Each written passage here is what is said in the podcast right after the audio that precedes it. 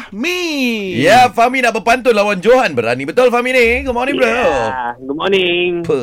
Situasi dia dua orang yang tengok big stage. Hmm. Hmm. Okey, lepas bunyi uh, loceng, Fahmi akan mulakan pantun terlebih dahulu, okey?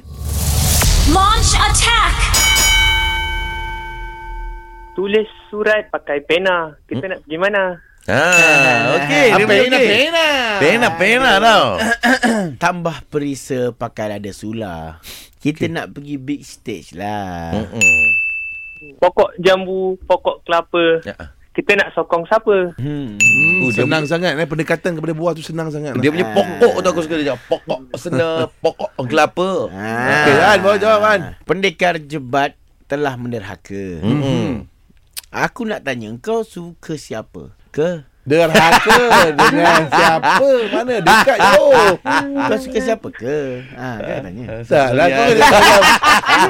Jangan kau suka Nita ke? Ah, tu okey lah. Itu patutnya aku nak cakap. Habis tu kenapa lain? Fahmi awak menang Fahmi. Uh, hebat. Boleh cerita Yeah. kawan-kawan tau. Kau Jangan. tewaskan uh, Johan dengan sekali. Jangan. Kau cerita boleh ya, jangan, jangan rakam apa suara bagi kawan-kawan dengar. Oh, macam tu. tak apa, keluar radio kan? Ah, tak apa, kawan-kawan dengar. Ah. Mi, Fahmi. Ya. ah berpakaian pendekar ke kenduri kahwin. Ha, ha. Yeah. Okey. Ya. Fahmi, you win. Ya, Yeah. Yeah.